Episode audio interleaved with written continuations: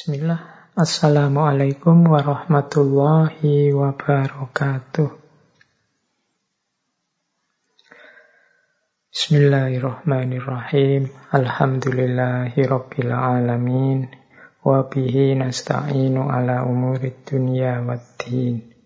Allahumma salli wa sallim wa barik ala habibina wa syafi'ina Sayyidina wa maulana Muhammadin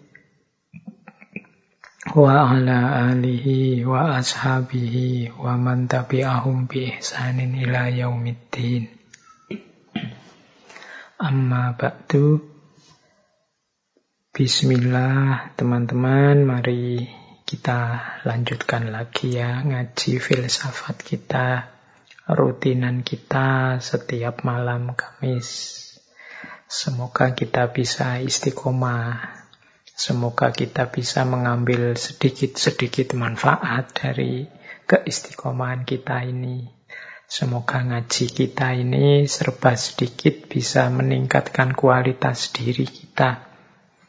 Entah lewat jalan yang mana, semoga ngaji kita ini juga bisa membuat kita tambah dekat, lebih dekat dengan Allah. Karena betapapun orientasi hidup kita yang hakiki adalah ilaihi roji'un. Pada akhirnya kita akan kembali padanya. Dan perjalanan hidup ini hakikatnya memang perjalanan menuju dia. Mungkin hari-hari ini kita sudah mulai banyak kesibukan mengiringi semakin membaiknya situasi pandemi yang perlahan-lahan mulai membaik. Meskipun tetap ya seharusnya kita berhati-hati, tidak sembrono, masih harus waspada. Jangan sampai yang sudah baik ini nanti terus memburuk lagi. Jadi mari kita saling menjaga dan sama-sama menjaga. Ya, semakin bertambahnya kesibukan mungkin semakin membuat teman-teman kesulitan untuk mengistiqomai kegiatan-kegiatan baik yang selama ini mungkin bisa dirutinkan saat pandemi. Tapi bagian dari jihad kita mungkin itu yang mari kita tetap mengistiqomai apa pun perbuatan baik yang mungkin sebelumnya sudah kita lakukan. Dari istiqomah itulah nanti kita akan menemukan banyak rahasia-rahasia, banyak hal-hal yang utama, yang penting dibandingkan kalau kita hanya melakukannya sekilas-sekilas. Baik, teman-teman, Malam hari ini kita masih ada di tema berpikir, tapi kebetulan malam hari ini temanya agak unik ya. Kalau yang sebelum-sebelumnya kan mendorong, memotivasi kita untuk berpikir dengan segala situasinya. Baik jenis berpikir yang kritis, kreatif, etis, sosial, bahkan religius. Tapi malam hari ini kita membahas tema yang berbeda, masih berhubungan dengan berpikir, tapi sekarang kita akan belajar tentang batasnya pemikiran. Jadi kadang-kadang orang pakai istilah batas nalar. Ini mungkin tema yang sekali dua kali teman-teman pernah mendengarnya. Karena sebenarnya isu bahwa akal nalar itu terbatas itu sudah dibahas dulu jauh-jauh hari oleh para ulama. Termasuk para mutakalim. Itu ini isu sejauh mana manusia dengan pikirannya, dengan akal budinya itu punya kapasitas tapi juga harus tahu batasnya. Baik ya, kita mulai saja pembahasan kita tentang batas nalar ini. Ya meskipun sebelumnya saya harus minta maaf ke banyak teman yang belakangan mulai banyak minta tema ini, tema itu. Ya insya Allah pada saatnya akan kita angkat. Karena memang yang minta macam-macam banyak sekali. Mungkin bulan depan juga masih belum. Bulan depannya juga yang diminta teman-teman belum sempat saya bahas. Mohon dimaklumi. Kita pelan-pelan saja ya. Senyampe-nyampeknya belajar bareng. Ya tentu saja alasan pertama adalah kan saya harus siap dulu sebelum menyampaikannya. Yang masih belum terlalu siap, masih harus saya ngupgrade pengetahuan dulu, ngupgrade wawasan-wawasan dulu ya nanti kalau memang sudah siap akan kita angkat. Jadi Tentu saja saya tidak ngerti segala hal, tahu segala hal. Tidak selalu yang teman-teman minta itu pas saya ngerti, pas saya bisa langsung menjelaskannya. Mungkin ada beberapa yang saya tahunya hanya sedikit, jadi harus diupdate lagi, diluaskan lagi. Dan di situ sebenarnya saya senengnya menemani teman-teman belajar di ngaji filsafat ini. Ternyata yang mendapatkan keuntungan paling besar itu ya saya sendiri. Yang pertama-tama karena saya harus nambah-nambah bacaan, nambah-nambah wawasan, nambah-nambah pengetahuan. Meskipun saya minta juga teman-teman tidak berhenti juga, tidak hanya mengandalkan ngaji filsafat ini. Kalau hanya mengandalkan ngaji kita ini yang durasinya tidak terlalu panjang, ya hanya sesedikit itu yang diperoleh oleh teman-teman. Maka tambahlah dengan segala hal yang mungkin bisa nambah wawasan kita. Karena seperti katanya Sokrates, semakin nambah wawasanmu, kemungkinan semakin meningkat kualitas dirimu. Jadi itu nggih untuk yang minta-minta tema. Jadi yo ditunggu saja. Termasuk juga saya harus minta maaf ini pada teman-teman yang banyak minta saya untuk mengisi kajian di tempatnya masing-masing. Tidak semua juga bisa saya penuhi. Yo, kalau bulan-bulan seperti ini kan bulan kuliah sudah mulai aktif, jadi saya sudah mulai banyak jadwal ngajar sehingga waktu untuk ngisi-ngisi kajian yang insidental itu menjadi berkurang. Jadi kadang-kadang teman-teman mintanya bulan ini atau bulan depan masih belum bisa karena jadwalnya terlanjur isi. Sehingga saya menjanjikan bisa 2-3 bulan yang akan datang. Itu bukan karena saya terlalu sibuk apa kelarisan apa enggak karena saya kan juga ada amanah-amanah yang memang sejak awal wajib harus saya penuhi. Karena saya harus di kampus kemudian ada beberapa lembaga yang saya harus juga berkiprah di situ. Jadi ini nggih untuk teman-teman pokoknya dimaklumi saja kita nikmati saja kebersamaan kita semampunya sesedikit apa pun mari kita ambil manfaat dari kajian-kajian kita di mana pun. Baik, Bismillah, ya. Yuk kita mulai. Disiapkan ubur rampenya di apalagi yang harus disiapkan untuk kajian yang biasanya teman-teman lakukan. Boleh sambil tiduran, sambil kelesetan, dan tidak harus uh, kemudian malam hari ini tuntas, paham semua ya ndak. Ya kalau bisa sampai tuntas nanti dua jaman Alhamdulillah. Kalau ada keperluan lain ditinggal ya ndak apa-apa. Kan masih ada nanti diulang di rekamannya. Baik, bismillah kita awali kajian malam hari ini akan saya buka dengan satu quotes yang bagus yang menurut saya relevan untuk tema kita malam hari ini dari filosof yang namanya Pascal. Ini filosof dari Perancis, ahli filsafat, ahli tentang agama, ahli tentang matematika. Beliau bilang seperti ini. The supreme achievement of reason is to realize that there is a limit to reason.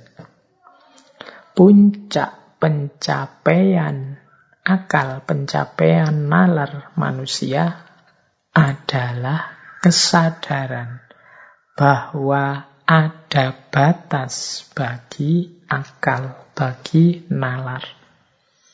Nah, Persis seperti inilah tema kita malam hari ini. Jadi berusaha menyadari bahwa ternyata pikiran kita, nalar kita itu ada batasnya. Jadi menurut Pascal, sesuai quotes ini, justru pencapaian tertinggi berpikirnya manusia itu adalah kesadaran Eh ternyata akalku ini terbatas. Banyak hal yang tidak bisa aku jangkau. Sering sekali pikiranku itu buntu. Nah, jadi ini mungkin bisa dikiaskan kalau kita mikir kok sampai buntu. Tidak bisa lagi mikir, itu mungkin batasnya. Jadi supreme achievement itu justru kesadaran, ah ternyata mentok sudah. Hanya sampai di sini pikiranku. Jadi ini mungkin makna mudahnya kalau pakai versi kita, menurut Pascal ini yo akhir dari penjelajahan rasional penjelajahan kita pakai akal itu yo kalau sudah buntu, kalau sudah mentok, itulah supreme achievement. Jadi memunculkan kesadaran bahwa ternyata akalku itu ada batasnya, akalku itu terbatas tidak tahu segalanya, ada banyak hal yang dia tidak bisa menjangkau. Ya tentu saja quotes ini harus kita pahami tidak sebagai pandangan bahwa akal itu tidak penting atau kebalikannya pandangan bahwa akal itu segalanya. Tidak begitu. Jadi Pakailah akal itu, tapi sadarilah bahwa dia juga ada batas-batasnya. Yang batas itu mungkin perlu diuraikan lebih jauh. Kadang-kadang orang itu menganggap ketika dia tidak mampu lagi, ya itulah batas.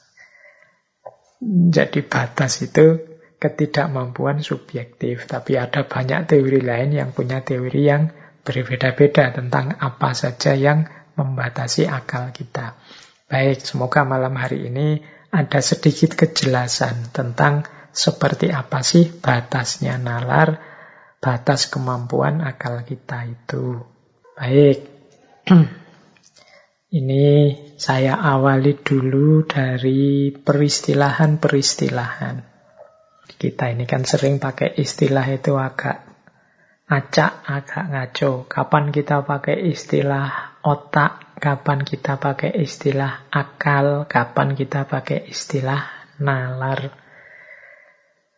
Kalau otak itu bahasa Inggrisnya brain, kalau akal itu bahasa Inggrisnya mind, kalau nalar itu bahasa Inggrisnya reason, atau mungkin nanti pasnya reasoning. Kalau brain atau otak itu ya alatnya atau perangkat fisiknya. Ini yang kalau mungkin di ronsen atau di foto pakai apa gitu kelihatan. Kalau kepala kita dibelah nanti bisa dilihat. Nah itu itu perangkat fisiknya, itu namanya brain, otak. Jadi di situ mungkin ada jutaan saraf yang di situ kalau dia sedang bekerja itu mekanismenya sangat canggih teman-teman yang ahli neurosain mungkin bisa menjelaskan bagaimana kinerja otak ini. Dan penting juga karena dia juga kunci dalam aktivitas berpikir kita. Jadi kekacauan, ketidakberesan, kalau ada penyakitnya, ada konsletnya, ada cacatnya, dan lain sebagainya otak, yaitu nanti akan berpengaruh pada kemampuan seseorang berpikir. Jadi ada sangat banyak kan model-model sakit karena rusaknya otak sehingga orang sudah tidak mampu berpikir lagi bahkan yang sampai tidak sadar tentang kemanusiaannya. Jadi ini ini juga ada pengaruhnya. Nah, kalau akal ini lebih pada kapasitasnya. Jadi akal itu bahasa Inggrisnya mind. Jadi kapasitas seseorang untuk secara sadar berpikir, memahami, menggunakan logika, menemukan kebenaran. Nah, ini namanya mind atau akal. Ini kapasitas yang berarti kan potensi kemampuan yang ada di dalamnya. Yang mind ini kita itu selain punya software otak, eh punya hardware namanya otak, punya software namanya akal. Ini kalau dianalogikan dengan komputer ya. Nah, kalau nalar atau reasoning ini ketika dia digunakan, ketika kita memakai akal untuk memahami, menjalani hidup kita sehari-hari. Jadi reasoning ini kemampuan kita mempertimbangkan sesuatu, menilai sesuatu, memilih sesuatu. Jadi ketika kayak kalau ilustrasinya pakai komputer tadi ya hardware-nya otak, software-nya akal. Nah, nalar ini ketika kita software ini kita operasikan. Jadi kita jalankan. Jadi itu bedanya. Jadi kalau kita memang yang kita rujuk adalah perangkatnya, perangkat fisiknya itu istilahnya lebih ke brain atau otak. Tapi kalau pada kapasitas kemampuan yang dia miliki, mungkin pasnya kita pakai akal. Sementara proses penggunaannya, kemudian bagaimana cara dia memakai dengan mempertimbangkan, menilai, milih, dan lain sebagainya, itu mungkin pasnya kita pakai nalar. Jadi yang ini nanti ada banyak variabel sudah terlibat. Kalau dalam proses berpikir yang namanya nalar tadi. Tapi otak menentukan, akal atau mainnya juga menentukan.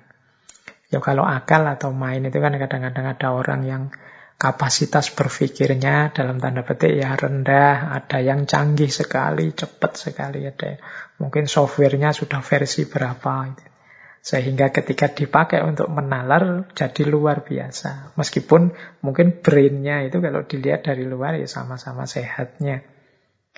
Jadi ini peristilahan-peristilahan untuk mengklarifikasi saja Mungkin teman-teman biar paham bedanya brain, mind, dan reason. Baik, sekarang kita awali pembahasan kita tentang batas nalar dari buku yang terjemahannya memang judulnya Batas Nalar. Yang judul aslinya Within Reason. Yang, yang nulis Donald B. Carney. Jadi dalam buku Within Reason itu dijelaskan bahwa memang nalar kita, cara berpikir kita itu tidak segalanya. Meskipun tetap bukan berarti dia tidak penting. Jadi di buku itu dijelaskan begini. Terhadap akal dan nalar kita, kita harus punya kesadaran ganda. Yang pertama adalah kesadaran tentang pentingnya akal, pentingnya nalar, dan yang kedua adalah kesadaran bahwa nalar itu punya batasnya sendiri. Jadi ini namanya kesadaran ganda. Berarti yang pertama kita jangan jadi orang yang anti akal, anti berpikir, anti nalar. Justru di antara hakikat kemanusiaan kita itu kan adanya di akal dan kemampuan berpikir. Maka kelompok-kelompok kalau ada loh ya, yang anti dengan nalar, anti dengan akal, ini dalam buku itu disebut ya kelompok yang keliru dalam memahami peran dan fungsinya nalar. Bahkan orang yang tidak mau pakai nalar pun sebenarnya mungkin dia punya argumen-argumen rasional tertentu terhadap pendiriannya. Jadi yang pertama itu, meskipun begitu, kita harus sadar batas kemampuan kita dalam berpikir dan sejauh mana akal atau nalar kita itu bisa berperan. Mari kita lihat ya, mungkin urean satu kalimat dari buku itu yang saya potong ini mungkin menarik. Kata Donald B. nih, nalar itu adalah produk biologis, sekedar sarana yang menurut kodratnya terbatas. Nalar meningkatkan mutu cara kita melakukan sesuatu. Tetapi nalar tidak mengubah aspek bagaimana kita melakukannya. Nalar telah melahirkan pengetahuan, yang membuat kita keliling dunia kurang dari dua hari. Namun maksud dan alasan perjalanan keliling dunia itu mungkin sama dengan leluhur kita dulu. Mungkin karena perang, karena berniaga, penaklukan, penyebaran agama, dan lain-lain. Jadi di bagian ini dia menjelaskan bahwa nalar itu hakikatnya hanya alat hanya sarana yang punya keterbatasannya sendiri. Dia canggih luar biasa dalam hal bagaimana kita mengelola hidup, menyikapi hidup, namun pada aspek bagaimana kita mengorientasikan hidup, tujuan hidup, maksudnya, dan lain sebagainya, ini akal biasanya posisinya kalah oleh unsur-unsur jiwa yang lain. Mungkin hasrat kita, mungkin naluri kita, mungkin selera kita, dan lain sebagainya. Jadi, nalar itu menyumbang dalam hal bagaimana. Nah, mudahnya begitu. Tetapi dia tidak bisa masuk ke ranah yang lebih penting, yaitu ranah mengapa. Nalar itu bikin pesawat caranya bagaimana bisa dia. Bagaimana cara menghancurkan, bikin senjata nuklir, cara mengolah nuklir seperti apa dia bisa. Tapi kemudian pesawat ini dipakai untuk apa? Nuklir itu digunakan untuk apa? Itu biasanya yang lebih berperan bukan nalar, tapi mungkin naluri, mungkin nurani, dan lain sebagainya. Mungkin kepentingan-kepentingan egois, dan lain sebagainya. Jadi, nalar adalah alat yang sangat canggih untuk menerjemahkan keinginan, keputusan, kemauan kita. Tapi isi dari keinginan, keputusan, kemauan kita itu banyak didorong oleh naluri kita untuk mempertahankan diri, kebutuhan-kebutuhan emosi, atau sikap-sikap budaya tertentu. Jadi di buku itu kita diminta untuk sadar posisi utamanya seperti itu. Jadi kedudukan nalar itu dia lebih pada alat atau sarana. Tergantung kita memakainya untuk apa. Nah, untuk apanya ini biasanya yang lebih kuasa itu bagian jiwa kita yang lain. Nah ini mungkin menarik ya kalau kita sambungkan dengan pandangannya Imam Ghazali. Kalau teman-teman membaca Kimia Usa'ada kan juga penjelasannya seperti itu. Jadi menurut Imam Ghazali akal itu dia bukan raja dalam diri kita. Dia hanya panglima rajanya itu kolbu. Jadi yang nyetir, mengorientasikan, mengarahkan, mewarnai hidup kita itu kolbu ini.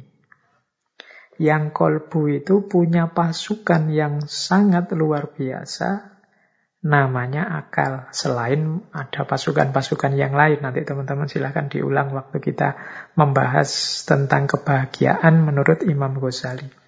Jadi akal ini panglimanya. Panglima itu kan pasukan yang paling kuat. Dia yang mengarahkan semua pasukan yang lain. Jadi akal adalah panglima. Panglima itu berarti dia hanya bawahan saja, suruhan saja. Jadi kalau kolbunya jernih, kolbunya positif, ya dia akan jadi pasukan yang sangat kuat untuk membela kejernihan dan kepositifan ini. Sementara kalau kolbunya suram, kolbunya gelap, ya dia akan jadi pasukan kegelapan, pasukan kesuraman. Nah itu itulah posisinya akal. Jadi dia terbatasi oleh orientasi, emosi, ambisi manusianya. Dia adalah senjata yang sangat hebat. Tapi yang namanya senjata itu kan tergantung yang memegang siapa. Maka teman-teman jangan heran kadang-kadang peristiwa-peristiwa sejarah, tragedi-tragedi kemanusiaan itu kadang-kadang di situ ada orang-orang pinternya yang terlibat. Seperti kalau di buku Batas Nala tadi di awal dijelaskan bagaimana misalnya peristiwa Nazi dengan holocaustnya, pembantaian besar-besarannya. Itu di situ juga ternyata banyak filosof-filosof Jerman yang mungkin teman-teman kagum dengan pikiran-pikirannya, ternyata juga dia orientasi hidupnya mendukung gerakan nasi tersebut. Itu kan kita loh, harusnya kalau pakai akal sehat kan tidak suka kekerasan, tidak memilih apa? Tidak memilih sesuatu yang merusak kemanusiaan dan lain sebagainya. Kalau pakai akal sehat, tapi akal sehat itu dia hanya pasukan. Tergantung manusianya yang mengarahkan. Jadi kadang-kadang kalau dia orang jahat, ya maka akal ini dipakai untuk memuluskan kejahatannya. Mungkin dia bikin trik-trik strategi-strategi biar tidak ketahuan ya, jadi kejahatan yang sempurna atau dia melakukan rekayasa-rekayasa sehingga yang semula buruk dia carikan argumen biar jadi benar. Nah, jadi maka Ternyata kuncinya diri itu tidak pada akal. Meskipun dia sangat penting. Orang tidak boleh tidak pakai akal ya. Kalau itu kayak seperti analoginya Imam Ghazali tadi. Berarti orang yang tidak pakai akal itu ya kayak kerajaan ada rajanya. Tapi dia tidak punya panglima perang. Dia tidak tangguh, tidak kuat. Mudah kalah. Demikian juga orang yang anti nalar, anti akal. Tidak mau menggunakan akalnya untuk hidup. Yo akhirnya kita kalah, wong ndak punya panglima. Jadi yang lain mengembangkan sains dan teknologi menguasai peradaban, kita agak malu-malu, ragu-ragu. Mendaya gunakan akal kita, ya akhirnya kita kalah. Akhirnya kita didominasi. Mungkin juga dijajah secara tidak sadar oleh mereka yang lebih duluan mengembangkan peradabannya dengan akal budi. Meskipun akal itu hanya panglima. Jadi orientasi ganda tadi maksudnya yo akal itu penting, dia sangat canggih, dia pasukan kekuatan yang sangat luar biasa, tapi dia hanya panglima, bukan rajanya. Yang memutuskan orientasi hidup ke mana, arah hidup ini ke mana, tidak hanya akal saja.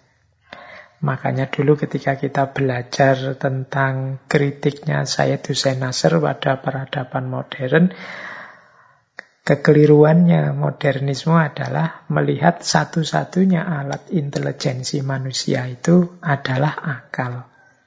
Melupakan ada banyak perangkat intelijensi manusia yang lain selain akal.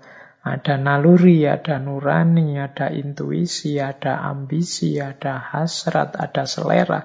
Ini semua berpengaruh dalam pengambilan keputusan manusia, tidak hanya akal. Jadi yang pertama, kalau ada yang tanya, batas nalar itu di mana? Ya, setidaknya akal atau nalar itu dia berposisi sebagai sarana atau alat saja meskipun sangat penting. Dia tidak menguasai orientasi, tidak menguasai kemudi atau kendali. Meskipun mungkin bisa memberikan pertimbangan-pertimbangan. Pengambil keputusannya tetap rajanya. Kalau pakai Imam Ghazali tadi berarti kolbunya atau bagian jiwa yang lain. Yang itu mungkin nalurinya, mungkin nuraninya, mungkin intuisinya, dan lain sebagainya. Jadi ini pemahaman pertama kita untuk membawa pada kesadaran bahwa nalar kita itu terbatas. Jadi ini ditegaskan oleh satu quotes dari Herbert Simon. Nalar adalah alat belaka. Nalar tidak dapat menentukan tujuan hidup kita. Paling jauh, ia hanya dapat memberitahu kita bagaimana caranya sampai ke sana. Nalar adalah senjata sewaan. Wah ini istilahnya agak Sini sini ya, senjata sewaan yang bisa kita gunakan untuk mencapai tujuan apa saja, baik atau buruk.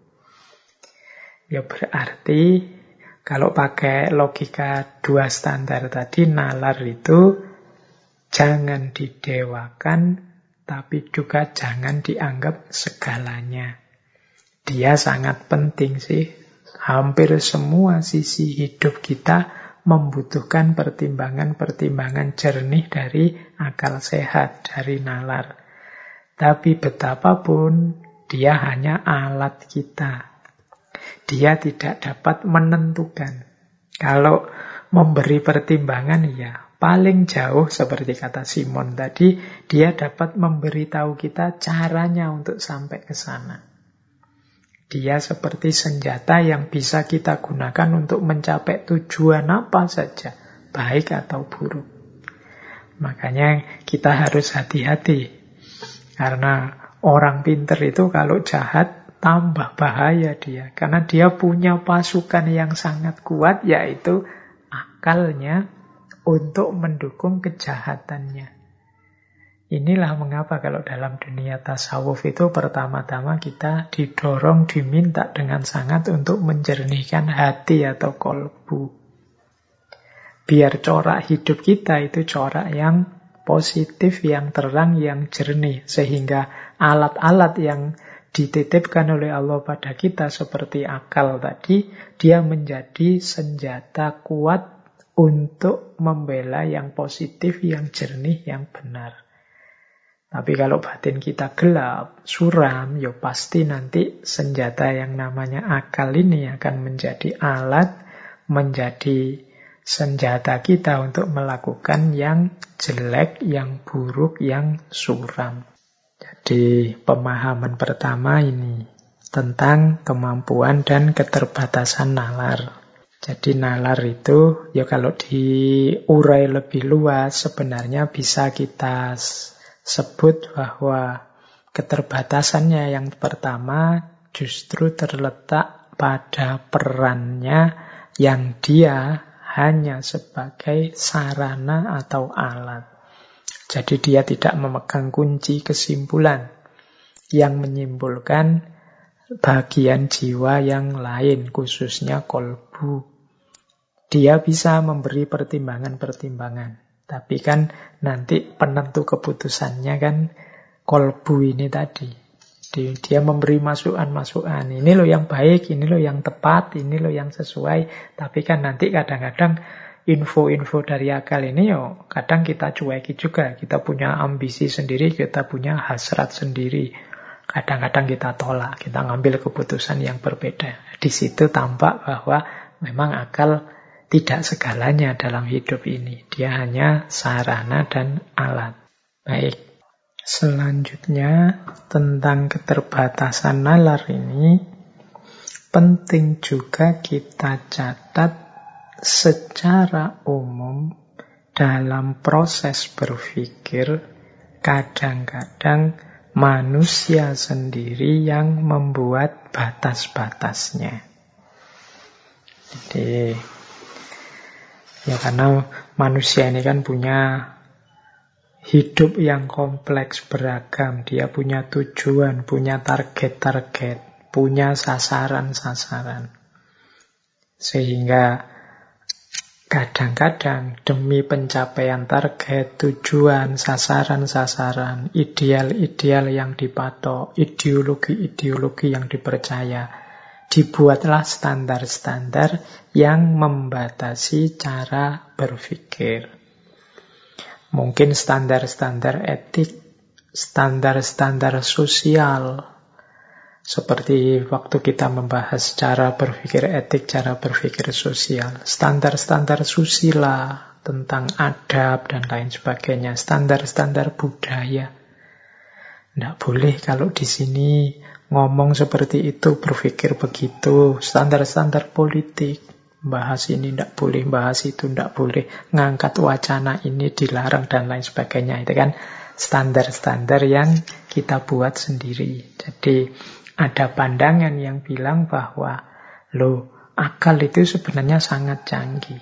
Dia bisa masuk ke mana saja. Hanya saja manusialah yang membatasinya dengan standar-standar yang mereka buat sendiri.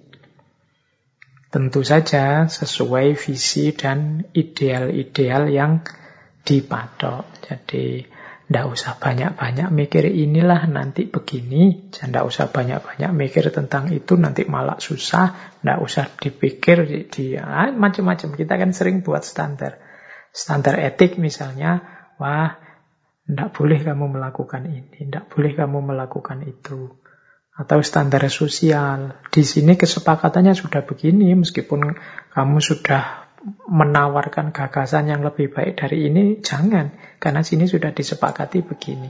Nah ini batasnya nalar selanjutnya yang penting mungkin untuk kita pahami yo hidup kita ini penuh dengan pagar-pagar dan standar-standar yang sering kali dari situlah nanti pemikiran kita atau nalar kita jadinya terbatasi. Jadi bukan karena memang terbatas, tapi terbatasi. Terbatasi itu kan ya sebenarnya bisa kalau mau difikirkan, tapi tidak boleh dipikirkan.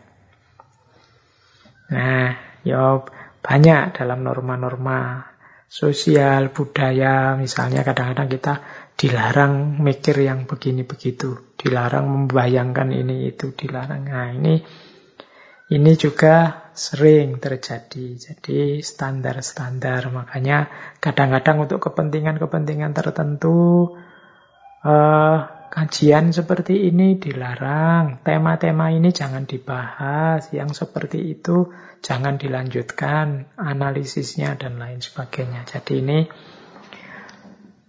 kalau diistilahkan dengan lebih detail ya mungkin bukan keterbatasan nalar tapi nalar yang dibatasi. Tidak salah sebenarnya, wong manusia itu kan punya ideal hidupnya sendiri-sendiri. Ingin nyaman, bahagia dengan standar-standar yang dia buat. Apalagi tadi ternyata posisinya akal, posisinya nalar dalam hidup manusia itu bukan sesuatu yang vital. Yang paling nomor satu. Dia lebih banyak hanya melayani orientasi orang yang menggunakannya.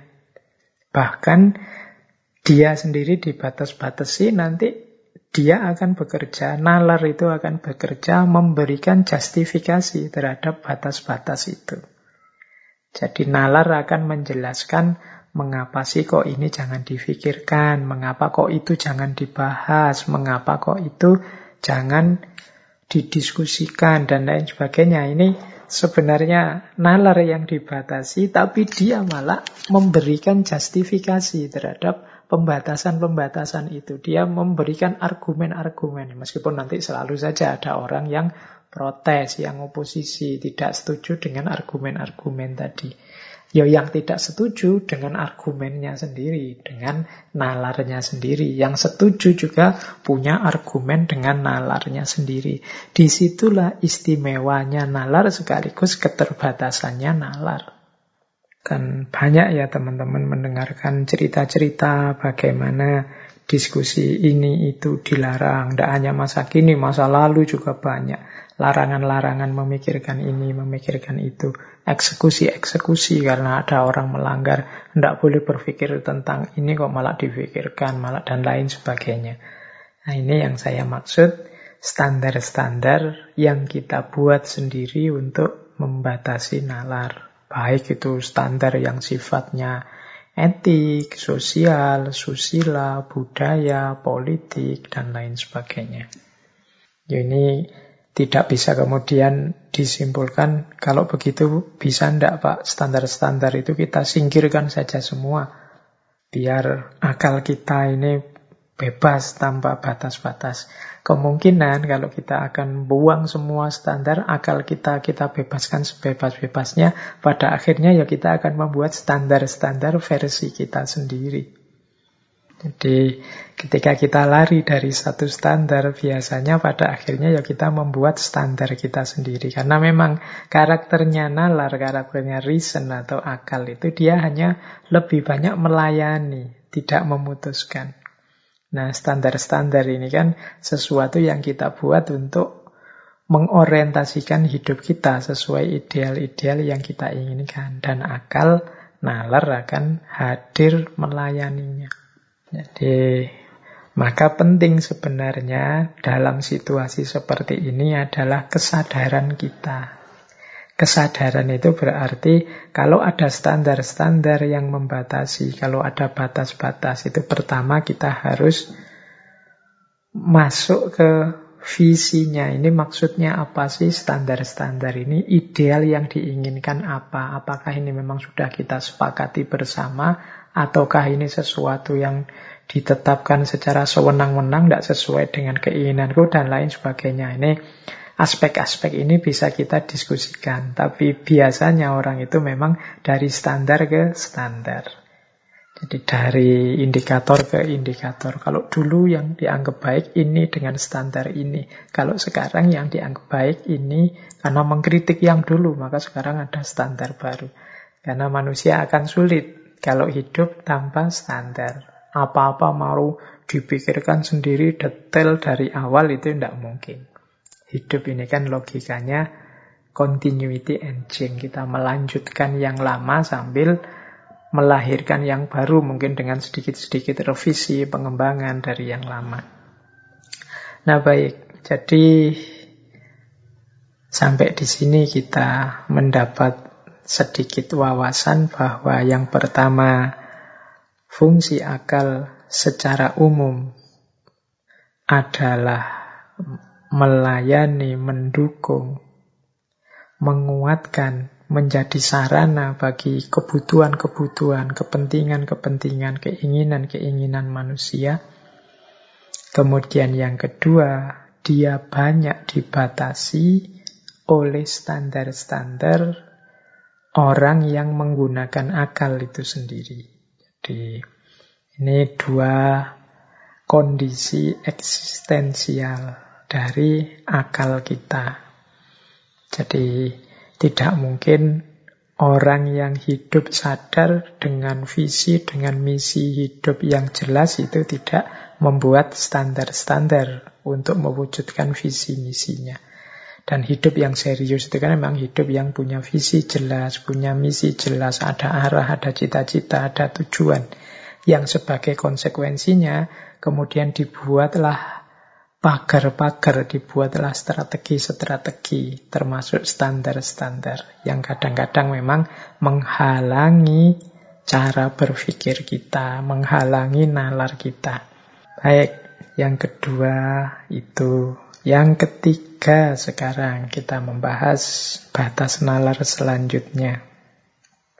Yang ketiga batas nalar itu ada pada perkembangan kognitif manusia itu sendiri.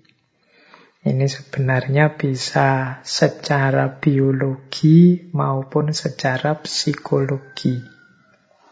Kalau secara biologi ya mungkin yang ahli neurosain bisa menjelaskan ini. Jadi yang ahli neurosain itu kan bisa menjelaskan ada hormon ini, hormon itu, dan lain sebagainya dalam diri manusia termasuk bagian akal yang mana, cirinya apa, bagian otak yang mana, karakternya apa, mendukung, berpikir apa, dan lain sebagainya. Ahli-ahli neurosain bisa menjelaskan. Kalau saya menjelaskan nanti dianggap apa masuk ke wilayah yang bukan wilayahnya. Jadi nalar juga terbatasi dari aspek otak tadi secara biologis. Ada efeknya juga dalam kemampuan berpikir. Nah, ini yang saya bawa yang aspek psikologis karena dulu pernah kita sebentar membahas ini ketika membahas tentang kepribadian. Jadi perkembangan kognitif secara psikologis. Ini juga membatasi cara orang berpikir. Ternyata kemampuan berpikir itu juga berkembang. Jadi ada perkembangannya, ada level-levelnya yang kadang-kadang orang-orang tertentu mengalami lambat tumbuh kembangnya atau sampai dewasa tidak canggih cara menggunakan daya kognisinya. Jadi ini teori perkembangan kognitif yang berasal dari seorang psikolog namanya Yang Piaget. Ini untuk ilustrasi saja. Ini sebenarnya ini menjelaskan bahwa nalar juga bisa terbatasi oleh perkembangan biologis maupun perkembangan psikologis. Nah, yang biologis ya nanti bisa ditanyakan ke ahli-ahli neurosain. Yang psikologis contohnya ini. Jadi bagaimana manusia itu juga secara kognitif bukan kok langsung jadi full bisa berpikir mendalam, reflektif, kontemplatif, tidak begitu. Kognisi juga, otak kita juga mengalami perkembangan-perkembangan yang dimulai sejak lahir. Nanti di teori perkembangannya yang biasa ini ada empat fase perkembangan kognitif. Jadi berarti kemampuan berpikir manusia itu berkembang step by step. Tidak langsung full penuh. Yang pertama usia 0 sampai 2 tahun. Ini disebut periode sensorik motorik. Ini kemampuan mengorganisasikan kenyataan sehubungan dengan kemampuan indera dan motorik. Jadi ini kemampuan menggunakan panca indera anggota tubuhnya. Nanti baru di usia 2 sampai 7 tahun namanya fase preoperasional. Nah, di sini mulai kenal dirinya, mulai bisa membedakan antara dirinya dengan yang lain mulai muncul egosentrisme, pemikiran tentang aku, dan mulai bisa berpikir simbolik. Kalau aku melakukan ini, nanti dapat ini. Kalau aku melakukan itu, nanti dapat itu. Itu usia preoperasional.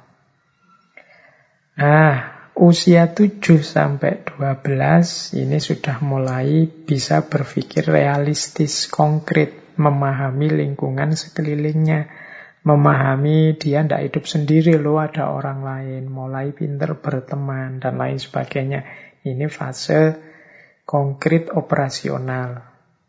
Dan nanti puncaknya usia 12 tahun ke atas. Mampu berpikir abstrak logis self reflection sudah ngerti tanggung jawab mulai sadar kepentingan dirinya dan juga kepentingan masyarakatnya mampu mengekspresikan ide-idenya lewat bahasa dan lain sebagainya. Di atas 12 ini sudah dianggap dewasa, berarti kemampuan kognitifnya sudah penuh, tinggal diasah dan didaya gunakan terus-menerus. Nah ini salah satu contoh, ternyata otak kita yang berhubungan dengan pikiran dan nalar itu juga tidak sesuatu yang jadi begitu saja lengkap dan canggih. Ada banyak variabel-variabel biologis dan psikologis yang terlibat. Ini juga mungkin bisa mempengaruhi ciri cacat tertentu pada otak misalnya atau pengalaman-pengalaman traumatik psikologis tertentu itu juga berpengaruh dalam pola dan cara kita berpikir. Jadi ini batas yang ke sekian, ketiga tentang batas nalar. Jadi yang tadi, yang awal itu bagaimana nalar itu, dia hanya sarana, hanya alat, dia terbatas pada ihwal bagaimana, bukan ihwal mengapa. Kemudian yang kedua, dia terbatas oleh standar-standar, oleh pagar-pagar yang dibuat oleh orang, baik itu yang bersifat etik, sosial, susila, budaya, demi ideal-ideal yang diinginkan oleh manusia. Nah, itu yang membatasi. Dan yang ketiga, kondisi biologis dan psikologisnya. Ini juga berpengaruh. Kalau biologis mungkin ya kerusakan fisik otak itu kan memang berpengaruh. Kalau psikologis ya mudahnya kalau psikologi kita sedang kacau itu kan juga kita tidak bisa berpikir jernih. Kita sedang sangat bingung, kita sedang sangat tersiksa, kita sedang ah, situasi-situasi yang traumatik misalnya juga menghalangi, membatasi kejernihan berpikir kita. Jadi kadang-kadang marah saja kita tidak jernih berpikir. Kadang-kadang capek luar biasa juga kita tidak jernih berpikir. Ternyata batas itu juga berpengaruh dalam kemampuan berpikir jernihnya seseorang. Baik, kita lanjutkan. Ada lagi batas nalar yang perlu juga kita sadari, yaitu informasi dan pengalaman. Ya kita itu manusia yang punya mekanisme berpikir canggih dibandingkan makhluk lain yang bukan manusia. Tapi akal kita, otak kita, itu juga bergantung pada informasi dan pengalaman yang didapat. Jadi nalar kita itu bekerja sejauh informasi dan pengalaman yang dimiliki. Kalau belum pernah sama sekali mendapat informasi tentang itu, belum pernah mengalami tentang itu, biasanya ya tidak bisa improve sendiri atau secara a priori menemukan kebenaran-kebenarannya sendiri. Jadi makanya tadi di depan saya bilang yuk kita nambah wawasan terus. Semakin banyak, semakin luas wawasan kita, semakin canggih hasil pemikiran kita. Kenapa referensi kita semakin luas?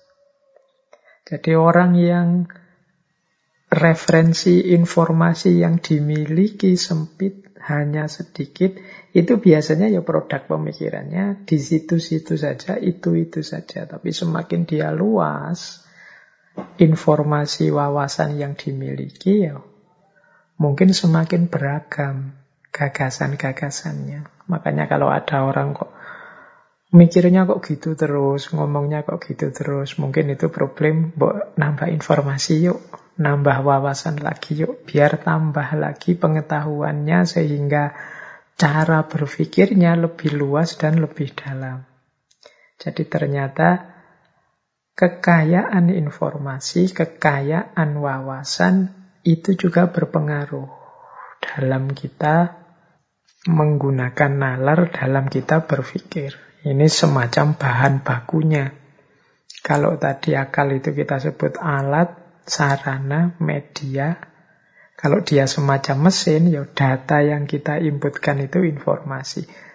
Secanggih apa pun mesinnya, laptopnya, kalau kita tidak menginput data yang banyak, ya tidak ada gunanya dia.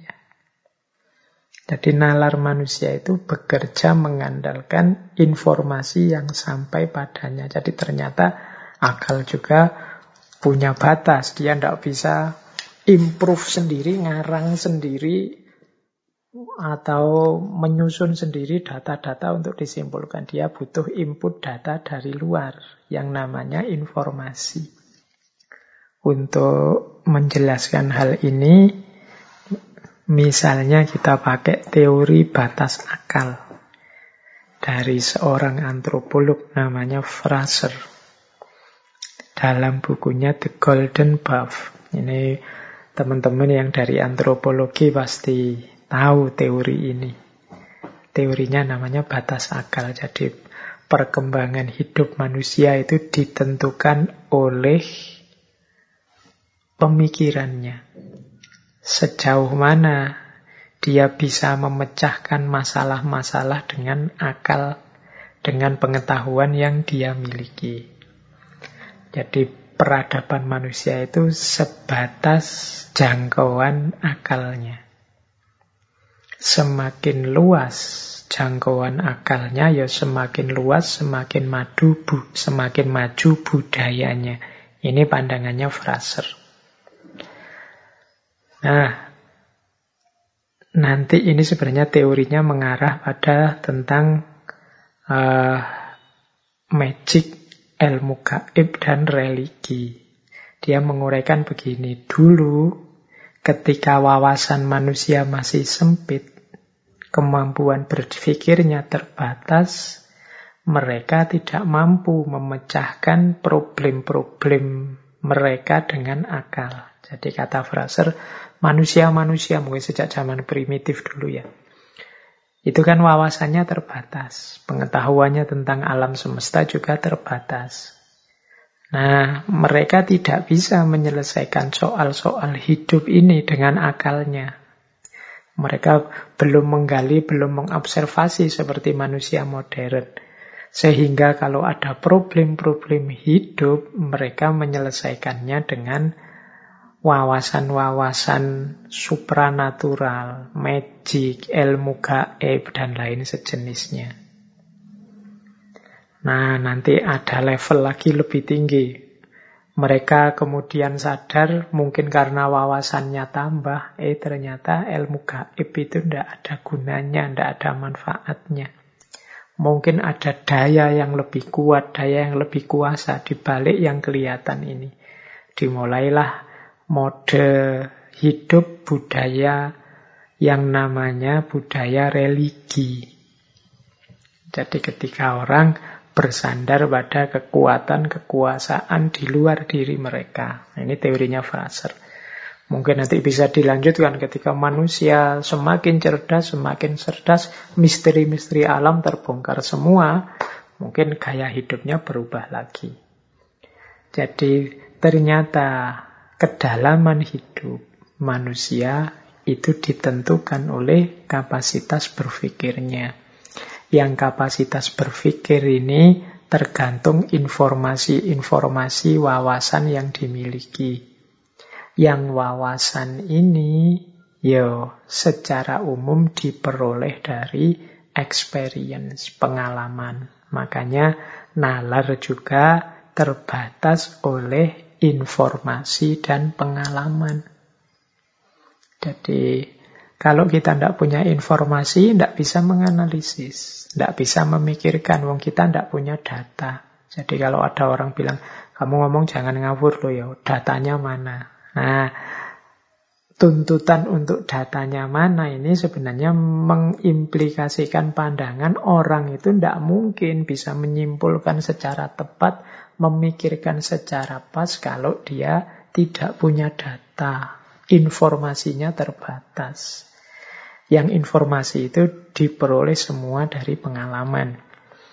Kalau saya bilang pengalaman bukan berarti kok harus dialami dulu baru ngerti yo. Pengalaman membaca, pengalaman diskusi, pengalaman seminar atau kalau hari ini populernya webinar. Itu juga kan termasuk pengalaman. Saya kemarin pengalaman webinar dengan beliau dan dapat wawasan ini itu. Itu kan nambah wawasan dari pengalaman meskipun bukan pengalaman langsung. Jadi ini juga dapat dikatakan yang membatasi kemampuan berpikir manusia. Sejauh mana informasinya dia miliki. Bahkan nanti bisa dilanjutkan sejauh mana juga informasi itu valid atau tidak. Makanya nanti akan kelihatan produk-produk pemikiran dari orang-orang yang mungkin masih hanya punya sedikit informasi dengan mereka yang sudah luas wawasannya, mengerti macam-macam. Kenapa kok yang informasinya lebih sedikit berbeda dengan yang wawasannya luas ya karena yang informasinya lebih sedikit, lebih terbatas kemampuan mengoperasikan akal budinya.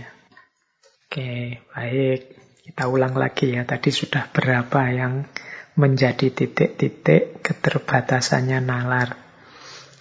Ada aspek posisi nalar sebagai yang bukan kunci, tetapi dia hanya alat dan sarana saja. Yang kedua tadi standar-standar yang dibuat sendiri oleh manusia.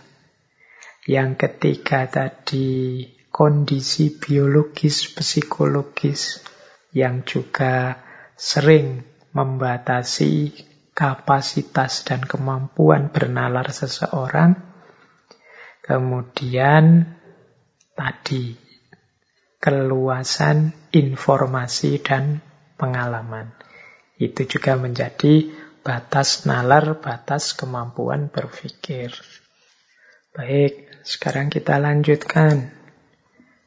Ini mungkin yang teman-teman menunggu ada ndak uraian tentang ini. Ya kita singgung sedikit ya, mungkin lain waktu bisa kita perdalam, yaitu agama atau kepercayaan. Ini juga sering kita posisikan sebagai berhadapan membatasi nalar.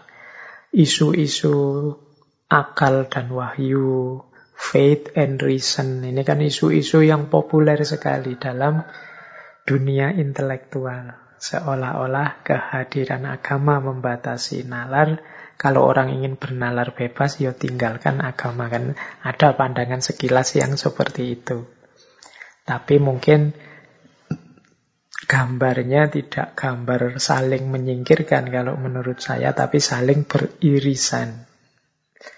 Makanya ada wawasan-wawasan keagamaan tertentu yang mungkin membatasi, menjadi batas bagi kemampuan nalar untuk menjangkaunya. Meskipun ada juga yang berpandangan tidak semua hal bisa diketahui oleh akal atau nalar. Ya, mari kita bahas pelan-pelan ya, kita ambil beberapa ilustrasi.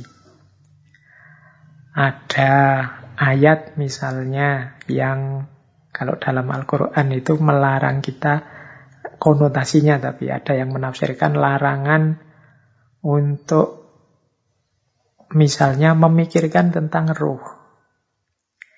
Jadi kenapa? Karena kalau tentang ruh itu kalian hanya kalau bahasanya Al-Qur'an itu bisa tahu hanya sedikit, tidak mungkin mendalam.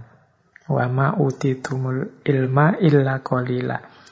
Ruh itu urusannya Tuhan, kulir ruhu min amri robbi. Jadi kalau kalian manusia itu ya taunya mesti serba sedikit. Itu tadi saya sebut konotasi karena ya mudahnya kemudian orang menafsirkan berarti kita jangan berpikir tentang roh.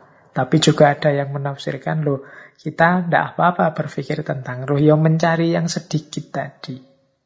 Kan wama utitumul ilma illa kolila. Sedikit juga ndak apa-apa. Yang penting ya memang itu batas kita. Yang kolila itu, yang sedikit itu. Jadi ada wawasan-wawasan keagamaan tertentu yang ini jadi titik batas yang kemudian akal tidak bisa menjangkau. Akal tidak bisa menjangkau itu bisa kalau dia memaksakan perspektifnya terjadi distorsi-distorsi yang bagi kalangan agamawan tertentu merusak kepercayaannya, atau memang dia benar-benar tidak berdaya. Benar-benar tidak mampu, misalnya urusan akhirat, surga, neraka, itu kan sulit akal itu menjangkau. Pengapa? Karena akal tadi butuh informasi empiris, informasi pasti dan pengalaman. Sementara dunia metafisik itu kan dunia yang tidak kita alami kali ini. Jadi maka akal benar-benar terbatas. Ya, nanti yang bisa meraba-raba melakukan kalau bahasa filsafatnya namanya spekulasi-spekulasi. Kira-kira seperti ini. Tapi dia tidak akan bisa menemukan yang hakiki. Pasnya seperti apa. Karena memang bukan wilayahnya. Itulah mengapa nanti ada perspektif dalam filsafat itu yang sifatnya memberikan ruang kepada agama. Agama itu memang tempatnya orang beriman, orang percaya. Jadi ya silahkan saja orang mau percaya atau tidak percaya. Ini akal kemudian diposisikan harus memberikan ruang, memberikan tempat kepada agama. Karena agama bukan sesuatu yang bisa dijangkau oleh akal. Nah, ada pandangan yang seperti itu. Nah, jadi keberagamaan termasuk bagian yang sering dipandang sebagai batas bagi nalar. Yang sering sekali mungkin teman-teman dengarkan orang bilang, berpikirlah, jangan berpikir tentang zatnya Allah, tapi berpikirlah tentang ciptaannya. Tafakkaru fi kholqillah, berpikirlah tentang ciptaannya, jangan berpikir tentang zatnya. Ini implisit di situ pandangan, kalau engkau berpikir tentang zatnya, engkau tidak akan mampu, mesti mentok. Karena zatnya Allah di luar jangkauan akal. Nah, ini salah satu pandangan yang menyetujui bahwa agama menjadi batas khususnya aspek metafisikanya menjadi batas yang tidak bisa dijangkau oleh akal. Ini tema yang luas sebenarnya kalau dalam diskusi tentang agama, khususnya kalau dalam Islam itu di ilmu kalam. Ada perdebatan panjang dari beberapa aliran tentang sejauh mana akal ini mampu menjangkau dan di titik mana dia tidak mampu menjangkau. Ada buku-buku ilmu kalam mungkin teman-teman yang mahasiswa usuluddin atau mahasiswa agama Islam itu pernah membaca buku-buku ilmu kalam ya tentang perdebatan para mutakalim tentang sejauh mana kuasanya akal ketika berhadapan dengan agama. Itu, ini ada satu pemetaan yang pernah saya lakukan. Ini saya lupa kelihatannya juga pernah menyampaikan ini. Mungkin di sesi ketika membahas Imam Abu Hasan al-Ash'ari tentang kebebasan. Jadi ada tiga aliran masyhur dalam ilmu kalam itu yang membahas tentang ke kekuatan dan kekuasaan akal, kemampuan akal, yaitu aliran Mu'tazilah, Ash'ariyah, dan Maturidiyah. Dua yang terakhir ini, Ash'ariyah dan Maturidiyah sering kita pandang sebagai kelompok ahlu sunnah wal jamaah. Nah, tiga aliran ini punya perspektif yang berbeda tentang beberapa keimanan keagamaan. Ini di pemetaan saya itu ada empat hal yang diperdebatkan oleh tiga aliran ini. Yang pertama, akal itu bisa tahu atau tidak adanya Allah. Yang kedua, akal itu bisa ndak tahu sampai detail, ndak hanya adanya Allah, tapi juga sifat-sifatnya. Yang ketiga, akal itu bisa tidak tahu baik dan buruk. Jadi ini baik, ini buruk. Itu kalau dengan akal bisa ndak. Yang keempat, akal bisa atau tidak memutuskan ini baik dan harus saya jalankan, ini buruk dan harus saya hindari. Ini masing-masing aliran itu punya pendapatnya sendiri-sendiri. Kalau Mu'tazilah, dia punya pandangan akal itu bisa semua. Jadi akal itu dengan kemampuannya dia bisa tahu bahwa Allah itu ada. Dia juga bisa tahu sifat-sifatnya apa saja dengan kemampuan berpikirnya. Dia juga bisa tahu mana baik dan buruk, dan dia juga tahu mana yang harus dijalankan dan mana yang harus dijauhi. Nah ini Mu'tazilah memang dikenal sebagai aliran yang rasionalis dalam Islam. Sementara kalau As'ariyah itu kemampuan akal hanya sampai pada tahu adanya Allah saja. Di tiga yang lain, sifat-sifatnya baik buruk, termasuk menjalankan yang baik, menghindari yang buruk, akal itu tidak canggih. Jadi dia harus ikut apa katanya wahyu. Nanti ada juga maturidia. Kalau di maturidia itu akal bisa kok tahu adanya Allah akal bisa tahu sifat-sifatnya dan bisa tahu baik buruk. Yang akal tidak mampu itu menentukan mana yang harus saya jalani, mana yang harus saya hindari. Kalau ini yang terakhir butuh info wahyu. Ya masing-masing punya argumennya sendiri-sendiri. Kalau tahu adanya Allah, semua sepakat akal bisa.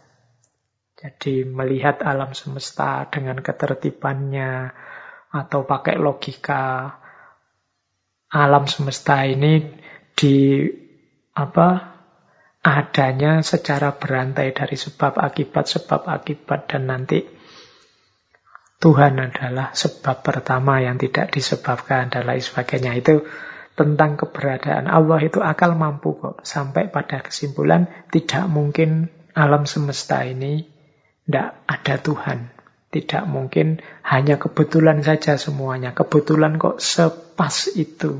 Nah, pasti ada Tuhan dengan berbagai argumen. Kalau di dulu kita pernah di ngaji filsafat itu ada paling tidak tujuh argumen untuk membuktikan adanya Tuhan menggunakan akal.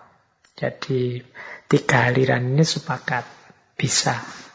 Bisa pakai akal itu bukan berarti tidak perlu wahyu, itu urusan yang berbeda. Cuma ini hanya mengukur kemampuan akal dulu. Nah, kalau yang tentang sifat-sifatnya, Mu'tazilah, Maturidiyah bilang bisa. Hanya Asy'ariyah yang tidak bisa.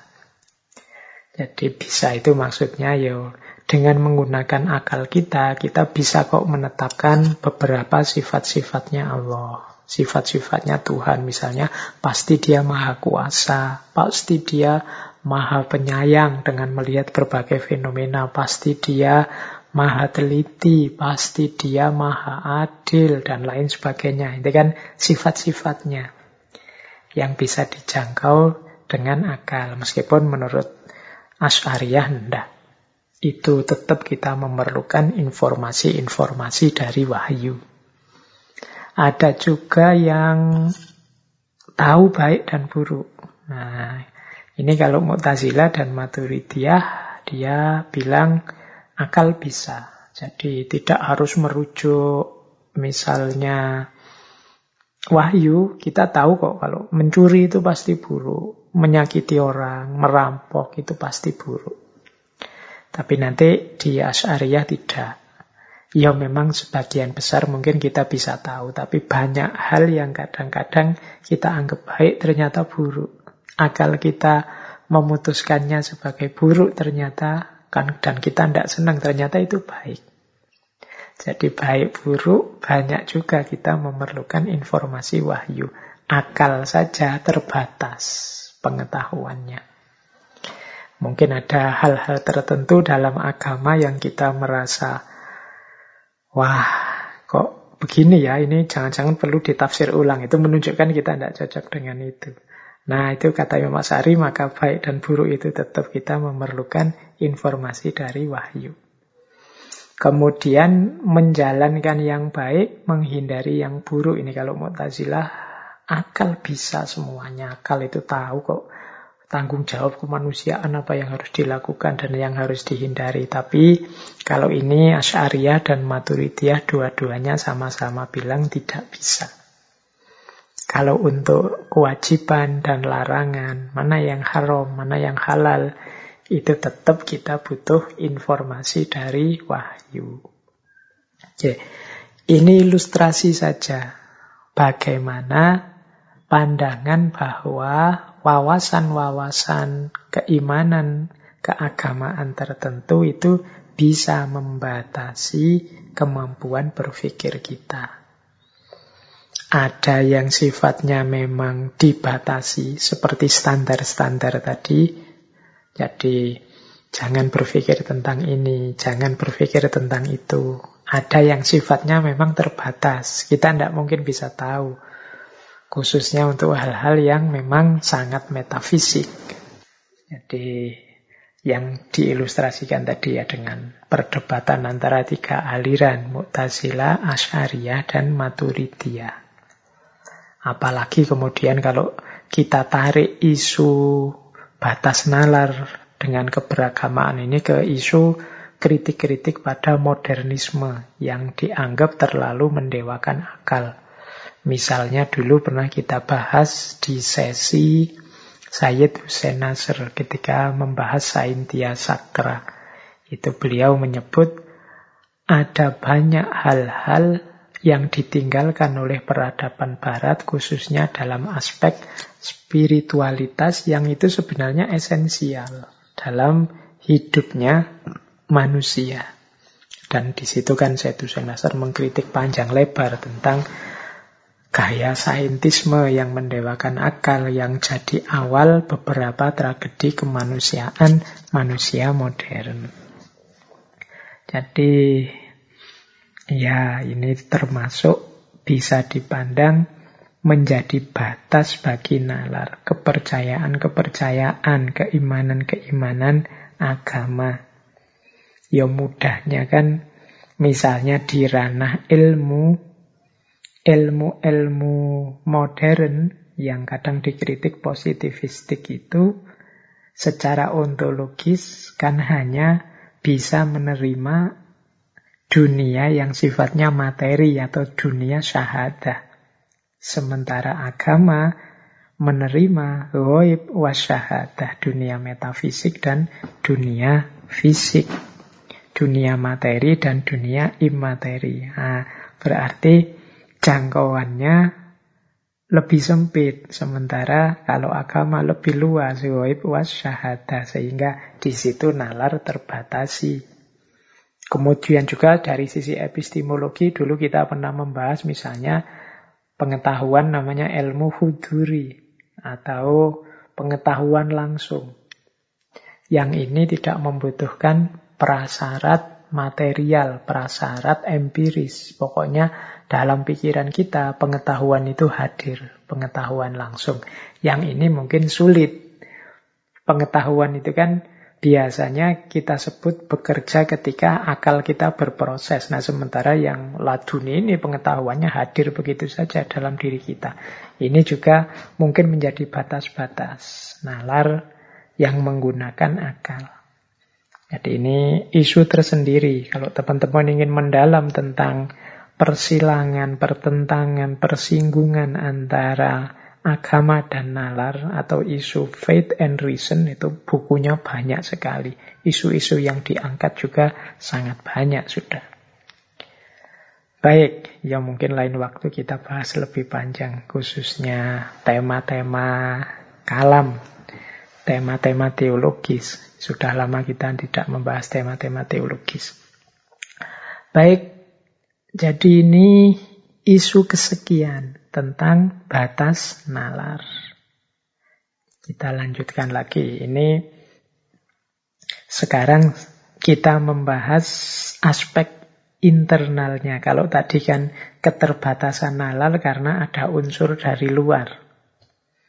Jadi ada unsur misalnya agama, ada unsur pengalaman dan informasi, aspek biologis, psikologis, standar-standar yang kita buat sendiri, kemudian yang pertama tadi hubungan akal dengan bagian jiwa yang lain yang ternyata akal itu hanya alat.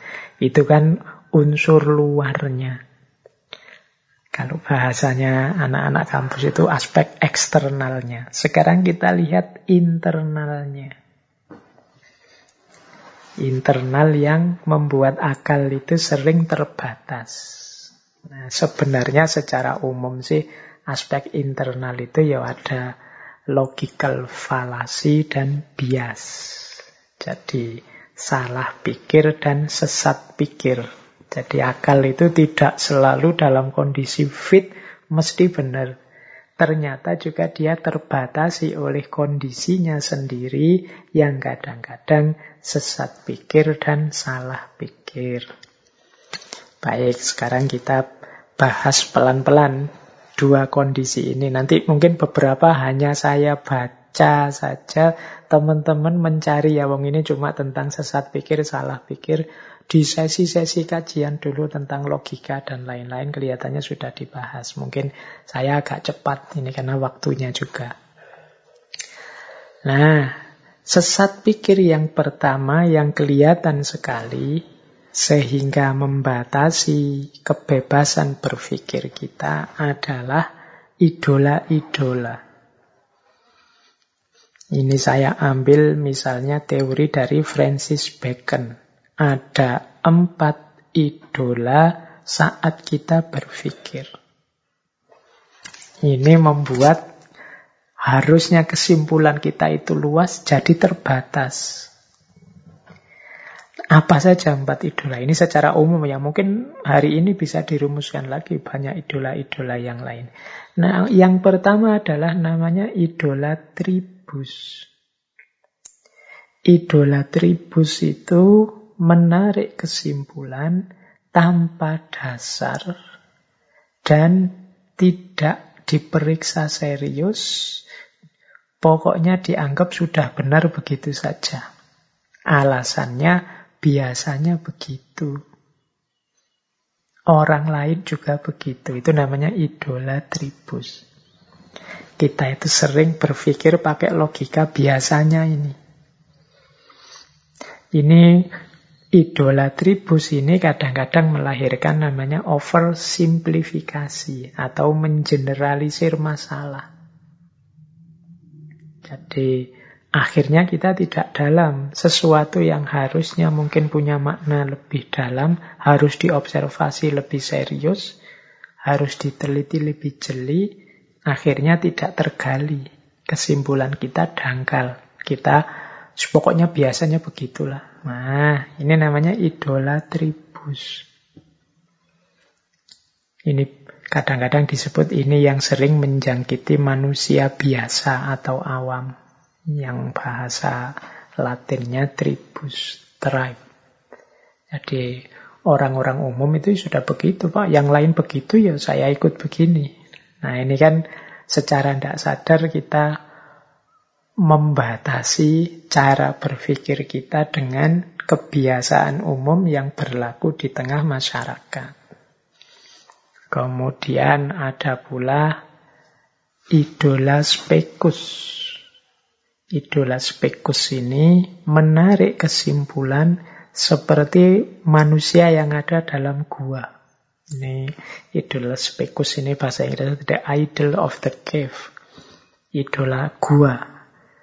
Jadi kita seperti manusia gua. Manusia gua itu manusia yang yang ngertinya apa yang ada di dalam gua. Jadi memutuskan sesuatu hanya berdasarkan prasangka pribadinya selera a priorinya. Jadi ini biasanya ketika orang menyukai sesuatu, ketika orang mengidolakan sesuatu, dia berhenti di situ, hanya itu saja yang dia geluti sehingga dia tidak luas. Akhirnya membaca apa pun, menyikapi apa pun, ya pakai perspektif itu. Nah itu jadi ini persis seperti kata-kata aslinya, the idol of the cave. Seperti manusia yang hidup di gua. Tidak ngerti mana-mana, yang ngertinya apa yang ada di dalam gua. Jadi begitu melihat apa pun, menyikapi apa pun, yang menggunakan perspektif gua. Perspektif pengalamannya sepanjang hidup di gua. Jadi ini ini juga sering jadi idola, membatasi cara berpikir kita juga. Kemudian idola fora, the idol of the marketplace. Menarik kesimpulan karena ikut pendapat umum. Jadi yang lain pendapatnya bagaimana? Begitu ya sudah aku ikut idola fora. Ini bedakan dengan idola tribus tadi ya. Kalau idola tribus itu ya biasanya. Orang di sini biasanya begitu. Nah itu idola tribus. Tapi kalau idola flora, untuk hal ini gimana pendapatnya orang-orang? Orang-orang pendapatnya seperti ini semua, Pak. Oh ya sudah, saya ikut. Nah, itu idola flora. Jadi sesuai pasar. Kalau pasar ke utara, ya ikut ke utara. Kalau pasar ke selatan, ya ikut ke selatan. Kalau hari ini mungkin pasar itu berubah jadi viral-viral. Yang lain viral begitu ya saya ikut begitu. Yang lain viral begini saya ikut begini. Itu idola fora. Nah yang keempat idola teatri atau panggung. Jadi menarik kesimpulan hanya berdasarkan dogma mitos yang dia percaya. Jadi dia tidak mau menggunakan akalnya, pokoknya ada jawaban-jawaban yang sudah tersedia dari mitos-mitos yang berkembang, dari dogma-dogma yang diyakini. Ya sudah, itu saja yang dipakai. Jadi pikiran kita itu sering terjangkit penyakit idola-idola ini. Ini teori yang berasal dari Francis Bacon ini menyarankan kita untuk hati-hati terhadap jebakan idola-idola ini. Jadi empat idola ini membuat kita sesat pikir. Termasuk batas nalar juga ya jenis-jenis sesat pikir. Kalau teman-teman mau menggali boleh nanti saya yang nulis buku judulnya Ihwal Sesat Pikir dan Cacat Logika. Coba teman-teman dicari di buku itu isinya sepenuhnya kelemahan-kelemahan kognitif kita. Jadi manusia itu ya memang di antara keunggulannya berpikir. Tapi berpikir itu juga punya banyak sekali kelemahan-kelemahan internal. Jadi itulah yang membuat nalar seseorang terbatasi saat dia ingin menemukan kebenaran. Yo macam-macam di situ. Saya contohkan misalnya sesat pikir itu bagaimana kita suka sekali melakukan over generalisasi. Jadi hanya melihat satu dua disimpulkan semuanya juga begitu. Atau mungkin cara berpikir retrospektif determinism. Retrospektif determinism itu ya menganggap yang terjadi itu ya memang sudah takdirnya, tidak mungkin diubah, sudah ketentuan sejarahnya memang harus begitu. Nah, itu retrospektif determinisme. Jadi, mari kita memberantas kemiskinan. Ngapain kita memberantas kemiskinan? Kemiskinan itu takdir kok. Kalau sudah ditakdirkan, ya bagaimana kita harus berjuang melawan takdir? takdir itu kan dari yang maha kuasa. Masa kita harus melawan yang maha kuasa? Ini cara berpikir seperti ini namanya retrospektif determinism. Kalau didengarkan sekilas itu rasanya benar. Tapi ya kalau direnungi secara lebih reflektif, kontemplatif nanti kelihatan titik-titik lemahnya. Atau post hoc ergo propter hoc. Ini karena datang setelah itu berarti disebabkan oleh itu. Ayo nah, memang hidup ini memang banyak sebab akibat, tapi tidak semuanya sebab akibat. Kok saya minum air putih kemudian kok terus tidur, itu kan bukan berarti saya bisa tidur karena air putih, karena mungkin peristiwanya saja kebetulan beriringan. Kita itu kadang-kadang kalau lihat satu peristiwa saling bersusulan itu menganggapnya bahwa itu sebab akibat. Itu post hoc ergo propter hoc. Ini juga akal sering ketipu oleh post hoc ergo propter hoc ini. Ini yang termasuk bagian dari keterbatasan-keterbatasan berpikir kalau kita tidak mendalam. Ada juga yang berpikir ad hominem, enak-enak diajak diskusi terus yang diserang orangnya karena kepepet. Ah, dasar kamu. Orang sesat misalnya. Itu ad hominem yang diserang orangnya. Ah kamu anak kemarin sore aja. Nah itu yang diserang orangnya. Jadi bukan gagasannya kadang-kadang juga kita ad vericundiam ad vericundiam itu kita merujuk orang yang kita anggap ahli tapi tidak kritis pokoknya kata-kata ahlinya pasti benar ini kan yang ngomong sudah ahlinya nah itu Kesesatan et vericundiam. Ada kalanya et baculum, et baculum itu ancaman.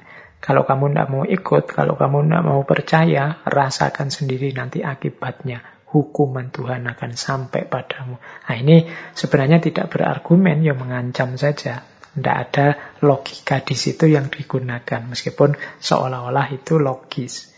Tunggu saja nanti hukuman Allah akan datang padamu tidak lama lagi. Ini bisa jadi et bakulum. Jadi berargumen dengan ancaman. Atau kebalikannya, et misericordiam. Misericordiam itu meminta belas kasihan.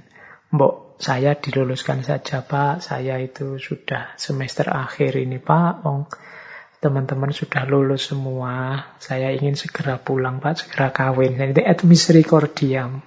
Jadi dia tidak berlogika sebenarnya, cuma membangkitkan rasa kasihan saja.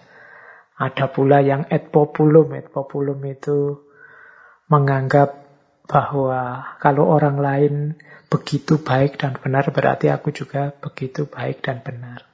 Ikut kebanyakan orang, et populum, atau et novitam, yang baru pasti baik.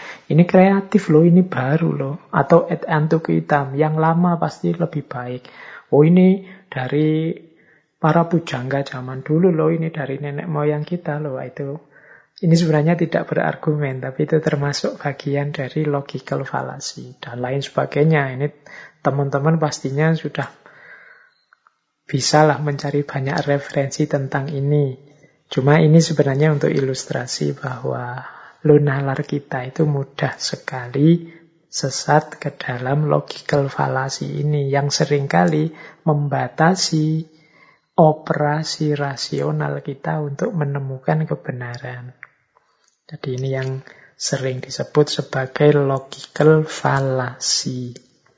Baik, uh, mungkin logical fallacy sudah pernah kita angkat. Saya agak panjang sedikit di cognitive bias. Jadi kalau tadi kan sesat dalam prosesnya logical fallacy. Kognitif bias ini mungkin mudahnya kita artikan penyimpangan berpikir, tapi kita tidak sadari. Kita berpikir itu kan untuk menemukan kebenaran. Tapi kadang-kadang kita, eh ini jalurnya sudah belok loh, tapi kita tidak sadar. Itu namanya bias. Ada banyak bias-bias dalam berpikir. Ini di buku yang saya sebut tadi, Ihwal Sesat Pikir dan Cacat Logika, saya lupa itu berapa puluh bias kognitif yang saya contohkan di situ. Nah, kognitif bias ini secara umum akal itu terbatas karena dia menyimpang dari proses yang seharusnya oleh beberapa kecenderungan. Yang pertama adalah kecenderungan informasi yang terbatas yang kita tidak sadar. Mengapa? Ini ada hubungannya dengan psikologi. Jadi kita tidak sadar ternyata nalar kita itu sudah melenceng. Mengapa informasi bisa terbatas? Karena kita itu sering hanya memperhatikan hal-hal yang kita sukai saja. Ya sama kan seperti kalau teman-teman buka HP kemudian melakukan stalking, googling dan macam-macam itu kan kita milih yang kita sukai saja. Atau mungkin paling tidak yang banyak diulang saja. Ini yang menyebabkan secara tidak sadar akhirnya informasi yang sampai pada kita itu ya yang itu-itu saja. Jadi tidak luas. Seolah-olah kita itu lama sekali pegang HP, tapi sebenarnya ya yang kita dapat dan kita peroleh ya hanya itu-itu saja. Kita cari yang kita minati. Kita cari yang aneh, lucu, menarik menurut kita. Kita cari yang baru dan menantang menurut kita. Jadi ini yang membuat informasi yang kita miliki terbatas. Jadi ini penting kita sadari ternyata kita itu seolah-olah banyak banjir informasi tapi mungkin ya tidak. Karena yang kita buka ya itu-itu, yang kita gali secara serius ya itu-itu. Mungkin karena saya sukanya filsafat, ya yang dibuka situs-situs ya seputar filsafat dan sekitarnya. Sementara yang sukanya pendidikan mungkin lebih tertarik dengan isu-isu pendidikan. Ya itu-itu saja. Nah, itu namanya termasuk kognitif bias. Membuat pikiran kita secara tidak sadar melenceng padahal kita tahunya kita itu wawasannya luas, luar biasa. Karena yang kita perhatikan hanya yang kita minati saja, yang kita anggap unik, kita anggap menarik, dan lain sebagainya. Kemudian kita juga biasanya lebih memperhatikan hal-hal yang sesuai dengan pandangan kita atau kebalikannya, yang anti dengan pandangan kita. Sehingga biasanya misalnya ya coba teman-teman cermati ya tabiat kita ketika buka YouTube atau apa itu kan. Yang kita minati itu terus ditawarkan lagi terus oleh Google oleh YouTube itu yang disebut bubble filter itu. Jadi kita hanya tahu yang benar sesuai kepercayaan kita saja atau orang-orang yang berbeda dalam tanda petik kita posisikan sebagai musuh kita, lawan kita. Jadi yo itu-itu saja wawasan kita.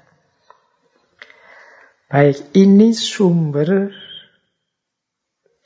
kesesatan dalam tanda pikir ya, dalam sehingga membatasi nalar kita. Yo akhirnya informasi yang masuk yo itu-itu saja cara berpikir kita pun ya begitu-begitu saja. Tidak ada yang berubah sejak dulu ya begitu.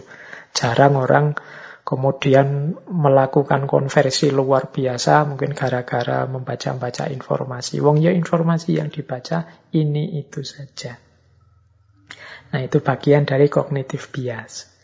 Bagian dari kognitif bias juga sering kita lakukan adalah lack of meaning kurangnya makna.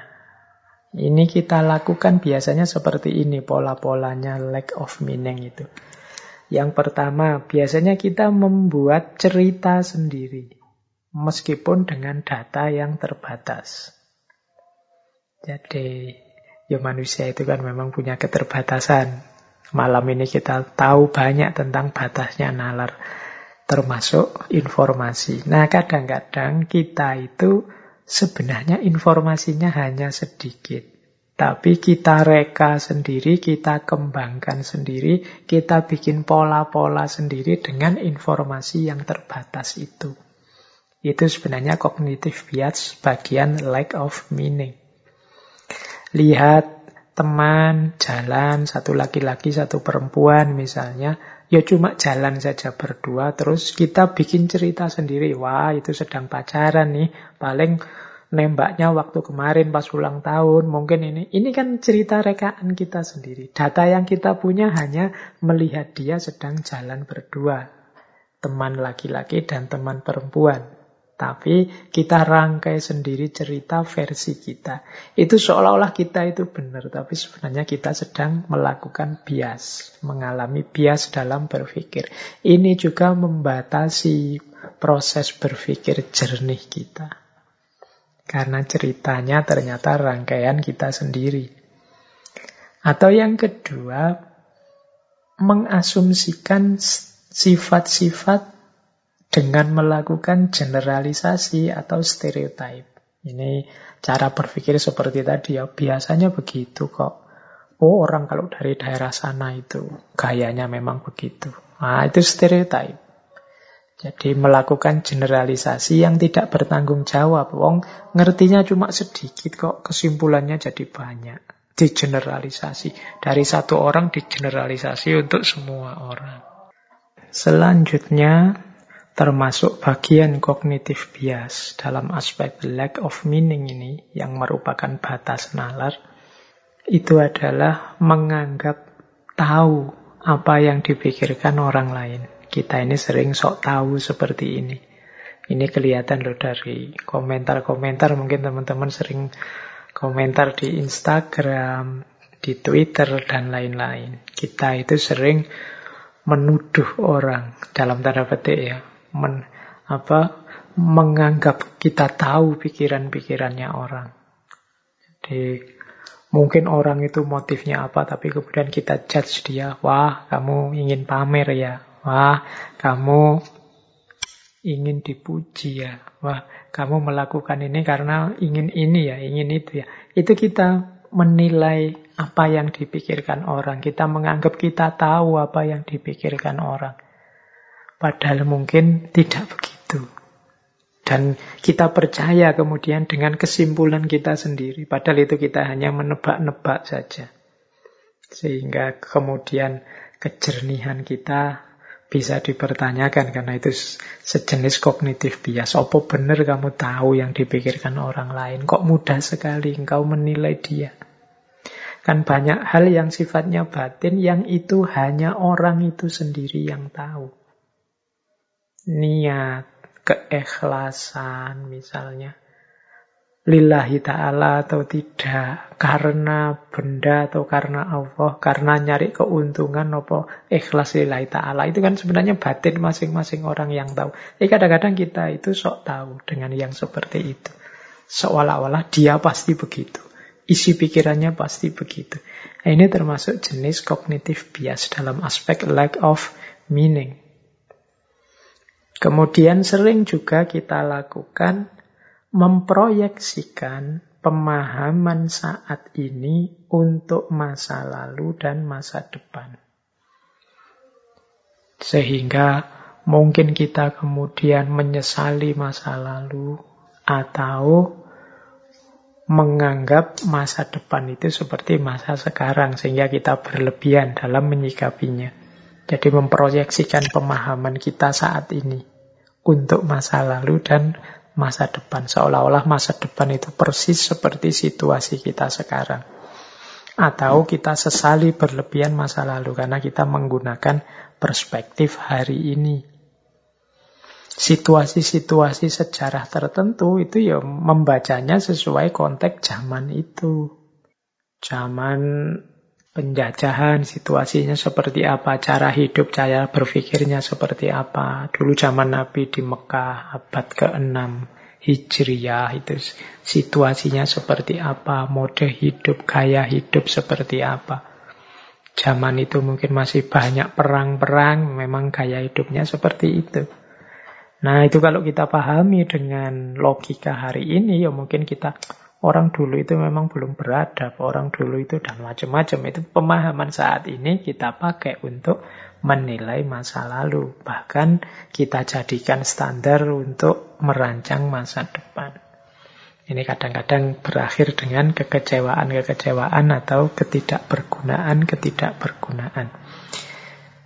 Jadi ini bagian dari cognitive bias, yaitu lack of meaning. Nah, kognitif bias selanjutnya yang sering kemudian membatasi kita menemukan kebenaran, jadi bagian dari aspek internal batas nalar, itu adalah the need to act fast. Jadi, ini bahasa Inggrisnya panjang ya, the need to act fast. Itu kalau pakai bahasa Jawa mungkin kemerungsung jadi ingin segera bertindak, ingin segera melakukan sesuatu, ingin segera mengomentari, ingin segera menilai, dan lain sebagainya. Jadi ini kesusu untuk melakukan sesuatu. Itu biasanya juga menghalangi kita jernih dalam mengambil keputusan. Mengapa sih orang itu kok kesusu-susu segera ingin melakukan sesuatu Ya, secara umum ada beberapa alasan. Kalau di sini saya sebut lima. Yang pertama biasanya orang yang segera ingin melakukan itu biasanya dia ingin meyakinkan diri dan menumbuhkan rasa percaya diri bahwa aku ini mampu dan aku itu penting. Jadi orang yang belum mantap keyakinan dirinya bahwa aku itu bisa, aku itu penting. Itu biasanya terus kalau melakukan sesuatu segera ingin tahu hasilnya, segera ingin selesai dan khawatir salah. Nah, jadi the need to act fast. Jadi dia ingin meyakinkan dirinya sendiri biar aku percaya diri dan orang lain menganggap aku ini penting. Dan ini biasanya terus orang kesusu, kemerungsung ingin menunjukkan pembuktian. Yang kedua, ada memang orang tertentu yang melakukan apa-apa itu cepat ingin segera selesai. Alasannya apa? Untuk menjaga fokus. Pak, kalau saya berlambat-lambat, hilang Pak fokusnya. Mungkin ada teman-teman di sini yang mungkin mencoba untuk hafalan Al-Quran, tahfidz misalnya. Itu kan biasanya terus ingin fokus, khawatir nanti lupa. Itu biasanya coba ngajinya. Karena kalau pelan-pelan nanti pikirannya melayang ke mana terus hafalannya putus. Ya memang ada yang seperti itu. Jadi ingin menjaga fokus terus cepat. Ya resikonya memang kalau cepat itu, kalau salah tidak ketahuan, kelewatan. Dan itu act fast itu kadang-kadang ya kita tidak bisa mendeteksi titik-titik kelirunya di mana. Jadi segera ingin menyelesaikan. Sehingga terus cara berpikirnya tidak jernih. Mungkin teman-teman dalam banyak hal juga sering begitu. Yang hafal surat-surat panjang itu begitu mau dibaca waktu jadi imam sholat itu kan tidak berani dibaca dengan indah pelan-pelan. Kalau kita tidak yakin benar sudah hafal. Biasanya terus dibaca cowopet biar tidak putus. Karena kalau dibaca pelan nanti putus hafalannya kacau. Nah, itu yang kedua. Need kebutuhan untuk melakukan sesuatu secara cepat. Ini sebenarnya bisa dicek dulu kita pernah membahas Paul Virilio yang menjelaskan peradaban hari ini yang segala sesuatunya ingin lebih cepat. Yang ketiga biasanya motifnya orang yang ingin lebih cepat itu karena dia membayangkan keuntungannya. Segera aku ingin selesai dan mendapat keuntungan. Nah ini membuat orang ingin lebih cepat. Atau untuk menghindari kesalahan. Kemudian orang cepat-cepat untuk melakukan sesuatu biar tidak salah. Karena kalau pelan-pelan nanti salah. Ini sama seperti tadi penjelasannya. Jadi sesat pikir dalam bentuk kognitif bias itu ada kalanya muncul karena kita butuh untuk bertindak cepat kita tidak sabar untuk mengikuti prosesnya pelan-pelan. Akhirnya ya yang terjadi malah tidak jernih kita dalam menanggapi sesuatu. Dia membatasi kita untuk berpikir secara jernih. Nah, yang selanjutnya bagian dari cognitive bias juga adalah information worth remembering. Jadi kita memilih-milih sendiri informasi-informasi yang kita anggap penting. Padahal itu mungkin bagi orang lain tidak penting. Jadi kita milih sendiri, misalnya kita ketemu data sebanyak apa, ya kita pilih yang kita perlu saja, yang kita anggap penting. Sesuai dengan kebutuhan kita sejauh pengalaman yang kita miliki. Sehingga akhirnya ya kita tidak komprehensif. Jadi kita pilih-pilih informasi. Sehingga pada akhirnya ya sudah kita tidak bisa menemukan kebenaran yang kita inginkan karena nalar kita terbatas informasinya. Mengapa kok informasi kita terbatas? Yang kita sendiri yang milih informasi yang menurut kita penting saja yang itu ternyata hanya menyesuaikan dengan kebutuhan dan pengalaman yang kita hadapi. Jadi teman-teman, ternyata ada banyak hal yang membuat nalar kita itu buntu atau tidak bisa lanjut menemukan yang benar secara jernih. Kalau kita runtut lagi dari awal tadi, ada berbagai aspek yang membuat nalar kita terbatasi. Yang pertama adalah posisi akal yang ternyata dia tidak nomor satu, tapi dia berposisi hanya sebagai sarana dan alat dari kepentingan-kepentingan variabel-variabel hidup yang lain seperti hasrat, ambisi, naluri, nurani, selera, dan lain sebagainya. Jadi dia dibatasi oleh orientasi hidup, emosi hidup, ambisi seseorang. Ini yang pertama. Jadi menunjukkan batas secara fungsional. Kemudian yang kedua, standar-standar.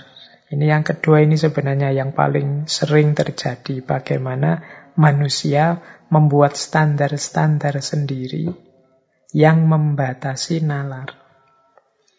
Baik itu di level etik, sosial, susila, budaya maupun politik.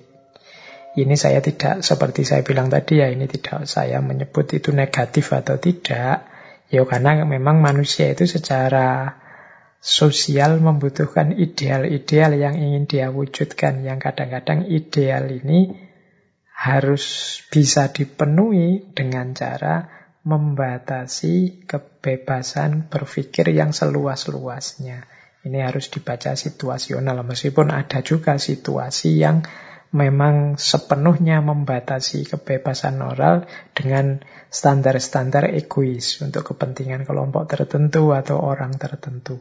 Ini ini bisa luas kalau kita bahas. Kemudian batas nalar juga adalah kondisi biologis dan psikologis alamiah kita.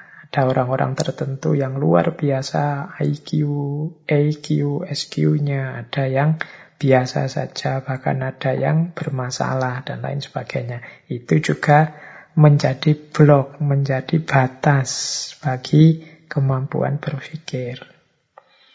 Kemudian secara operatif kemampuan berpikir kita juga dibatasi tadi ya tentang oleh keluasan informasi kita dan pengalaman kita. Jadi ya kalau tidak banyak data yang tidak luas improvisasi kita. Terus agama juga membatasi dengan segala variasinya. Mungkin istilahnya pasnya wawasan-wawasan yang sifatnya metafisik. Yang itu banyak ada pada agama. Karena nalar reason itu sendiri cara berpikirnya banyak bergantung pada data-data yang sifatnya empiris atau pengalaman. Nah, setelah itu batas-batas banyak kita temukan dalam aspek internal. Jadi mekanisme kerjanya akal kita sendiri yang sering tersesat baik karena idola-idola dalam berpikir maupun karena adanya logical fallacy dan cognitive bias.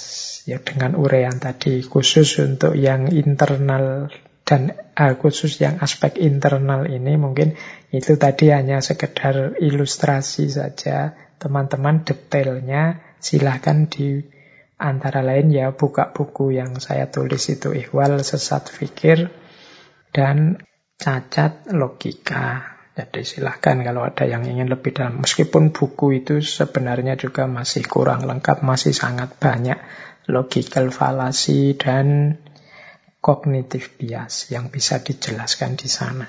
Oke, saya kira itu ya teman-teman untuk sesi kita malam hari ini. Kelihatannya waktunya juga sudah mepet. Untuk bulan ini berarti pertemuan kita di materi berpikir bisa kita cukupkan. Ini bulan ini mungkin memang agak berat kita kayak materi anak-anak kuliahan. Mohon maaf bagi teman-teman yang mungkin selera tema-temanya berbeda.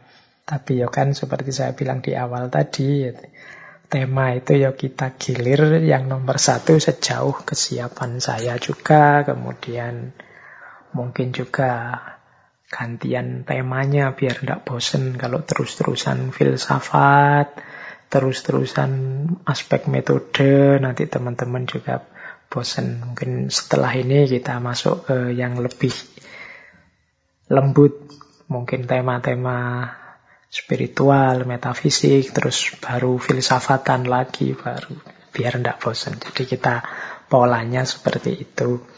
Yang mau usul tema silahkan saja, tapi santai saja. Semoga pada saatnya tema itu bisa diangkat. Ya mungkin mudahnya nanti selang-selingnya tema itu setelah tema-tema yin, terus tema-tema yang, tema-tema lembut, terus tema-tema keras, begitu terus. Biar kita tidak bosan, jiwa kita juga dinamis, lentur. Baik, saya kira itu teman-teman pertemuan kita untuk malam hari ini. Kurang lebihnya mohon maaf. Wallahul muwafiq.